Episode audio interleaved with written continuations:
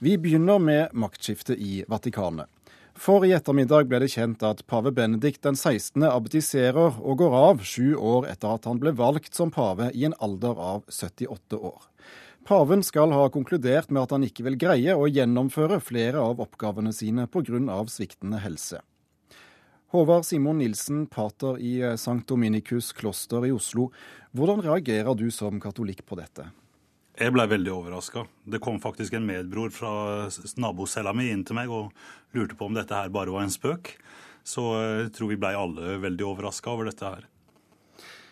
Bernt Oftestad, professor emeritus ved Menighetsfakultetet og eh, kjenner kirkehistorien eh, inn og ut. Hvor oppsiktsvekkende er det at paven trekker seg? Det er absolutt oppsiktsvekkende. Fordi at eh, jeg tror ikke noen pave har abdisert på denne måten. Altså Det er en periode i kirkens liv fra stykket på 1300-tallet inn på 1400-tallet hvor det er et ganske formidabelt kaos. Og da er det nok noen som både trekker seg og blir tvunget til å gå. Altså det, er, det er uklart hvem som er pave, til og med.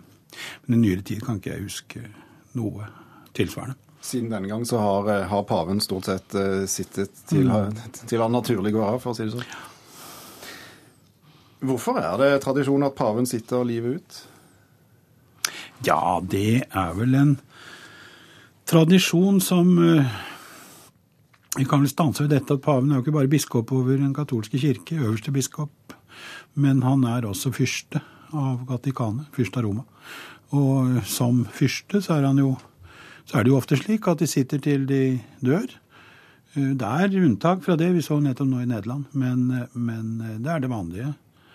Nå, det en annen, nå kommer en forskjell her. Det, ikke, det, er ingen, det er jo et valg av en ny pave, så det blir annerledes. Men likevel, det er kanskje noe der. Jeg tør ikke å si noe om det.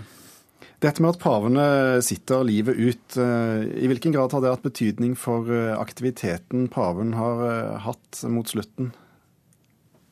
Han, han, begrunner sin avgang med, med at han vil, vil ja. ha det vanskelig med å gjennomføre påskeaktiviteten. Ja, det er, vel, det er sikkert riktig, det.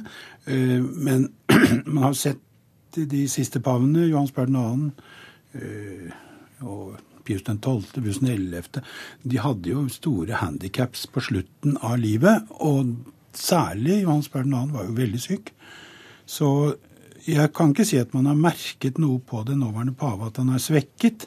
Men på en annen side så er det klart at en mann som er 85 år, har også det er veldig krevende å kunne gjennomføre de, de, de oppgaver som han står, han står, midt oppi og står overfor.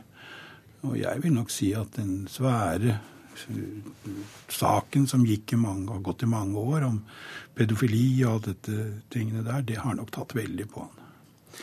Så jeg tror nok det er, det er medvirkende til å tømme han for krefter. Men en mann som er 85 år, har jo naturligvis også har naturligvis også en høy alder. da.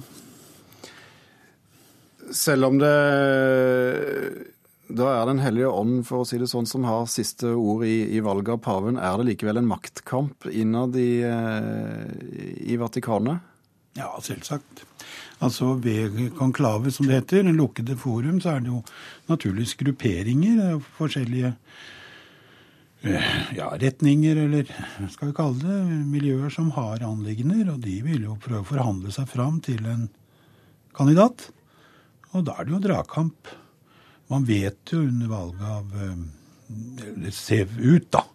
Valget av Paul, Paul 6. at det var veldig mye der. Man sier jo at det var en del, det var en del uh, standel som foregikk, men uh, man vet aldri sikkert om det. Men det er ikke noen grunn til å tro Det er jo tradisjonen at man brenner eh, stemmeseddelen. Ja, ja, ja, altså, det er jo hemmelig. Men det er klart, her siver det litt ut. Særlig hvis det er svære konflikter som det var den gang. Etter det siste pavevalget har jeg ikke hørt noe spesielt om det. Som pater, hvilke egenskaper ønsker du deg eh, hos en ny pave? Jo, vil det er litt vanskelig å svare på, syns jeg. Eh, det er lettere å svare på hvilke egenskaper jeg ikke ønsker meg. La oss ta det, da. La oss ta den positive versjonen. Ja, ja. Eh, jeg vil si det at som jeg sa her i en tidligere sammenheng, vi ønsker oss en pave som ber. En pave som eh, vier seg til Guds tjeneste med helhjerta og fullhjerta. Og grunnen til at jeg må si det såpass vagt, det er det at hvis vi tar de to, altså pave Benedikt og pave Johannes Paul, den annen som var forut for han, så var jo det to paver med ganske forskjellig karisme, kan man si. Men jeg syns begge har gjort en fremragende jobb i kirken. De har vært modige og offensive og aktive i sitt virke.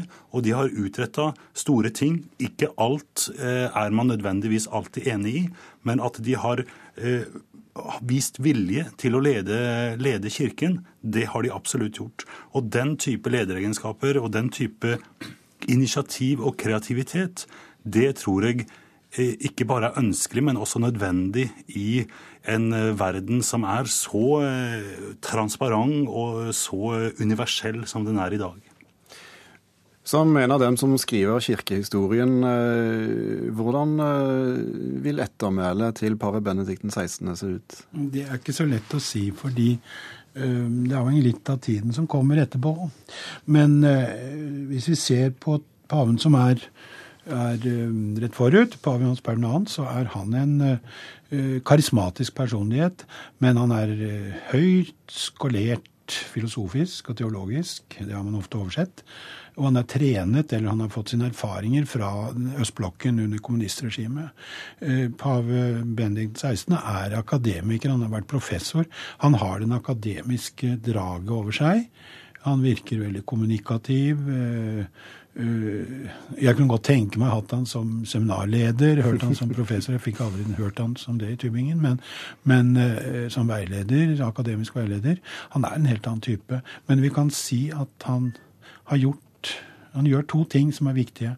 Han klarer å gjennomføre det prosjektet og være tro mot annet Vatikankonsil uten egentlig å gi seg i, eh, i eh, radikale løsninger i vold, men holder altså denne eh, konservative, avventende politikken, som er åpen for den moderne verden, men trofast mot tradisjonen. Det er veldig typisk for han.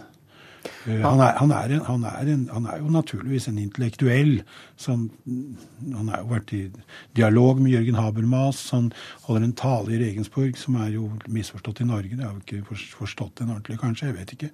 Men, men, den er jo en fremragende tale om det europeiske i møte med islam.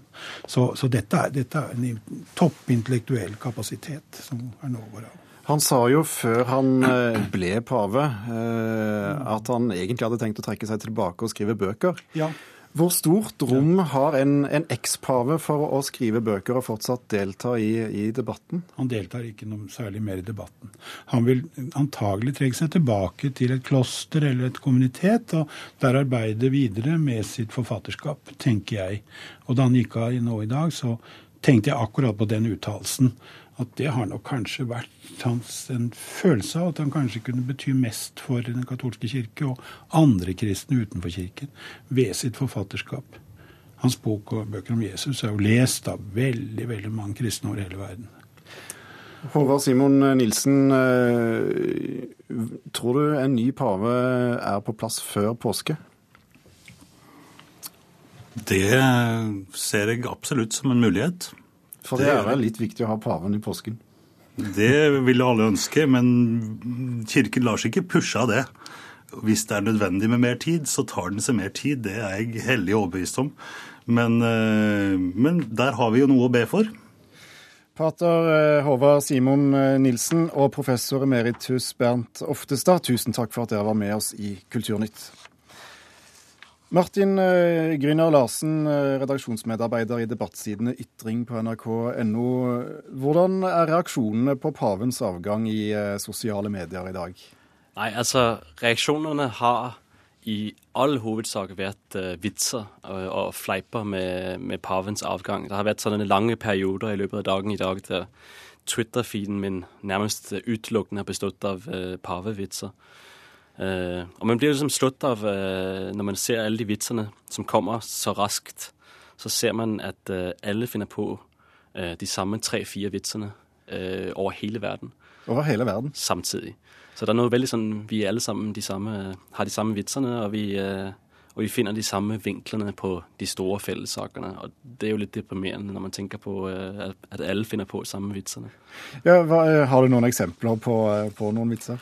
Altså Det som har gått mest igjen, er selvfølgelig de her spøkene om at uh, pave Benedikt har uh, blitt beskyldt for å, å liksom dekke litt til i, i barnemishandlingssaker, og han har uh, jo selv vært i sølibat hele livet. Så um, en vits som har gått igjen, det er at han pensjonerer seg for å tilbringe mer tid sammen med barna. Øh, og tilbringe mer tid sammen med familien og, og så videre. Så er det mange som har spilt på at øh, øh, paven er øh, Den nåværende paven er veldig lik øh, den onde keiseren i Star Wars.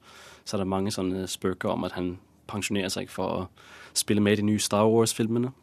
Ja, Men dette kan, kan, sikkert virke støtende på mange, denne, denne vitsingen? Ja, helt sikkert. Og, jeg tror også det er det som er poenget. Altså, øh, man, man, spør jo ofte om humor om, om, Kan man spøke om alt? Er ingenting hellig? Nei, ingenting er hellig. Øh, selv ikke paven. Det er vel det som er, er, er lærdommen her. At øh, øh, når noen er så høyt oppe, og så tildekket med makt og seremoni og pomp og prakt og og pompøst, så har man lyst til å se at de sklir på et bananskall. Og det er vel det som folk gjør nå. ikke sant? De, de jekker ned paven, de tar ham ned eh, med, med, humor. Pave Benedikt eh, meldte seg jo på eh, Twitter selv for ikke veldig mange måneder siden. Bidrar det til eh, eller er det å bære ved til bålet, for å si det sånn, i en sånn situasjon? Det, kan være noe med det, fordi Twitter-kontoen hans er jo da eh, Det må jo være skaperverkets kjedeligste Twitter-konto. Det er bare sånn Nå må Gud, øh, nå må du passe på å elske Gud og be til, øh, til de riktige og sånn noe. Så, så, det er noe med at, at han ikke mestrer sosiale medier. Det er, er, ingen dialog. Det er bare sånne veldig korte sånne miniprekener, på en måte. Det kanskje det har bidratt til å, å, gjøre ham til en latterlig figur i sosiale medier.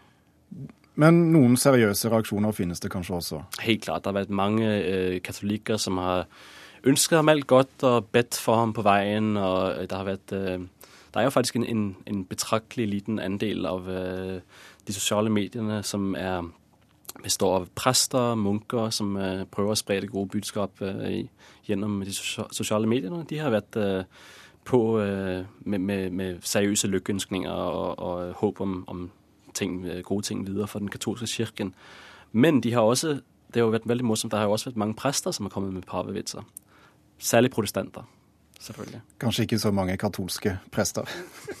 Martin eh, Gryner Larsen, takk for at du var med oss i Kulturnytt. Takk for det.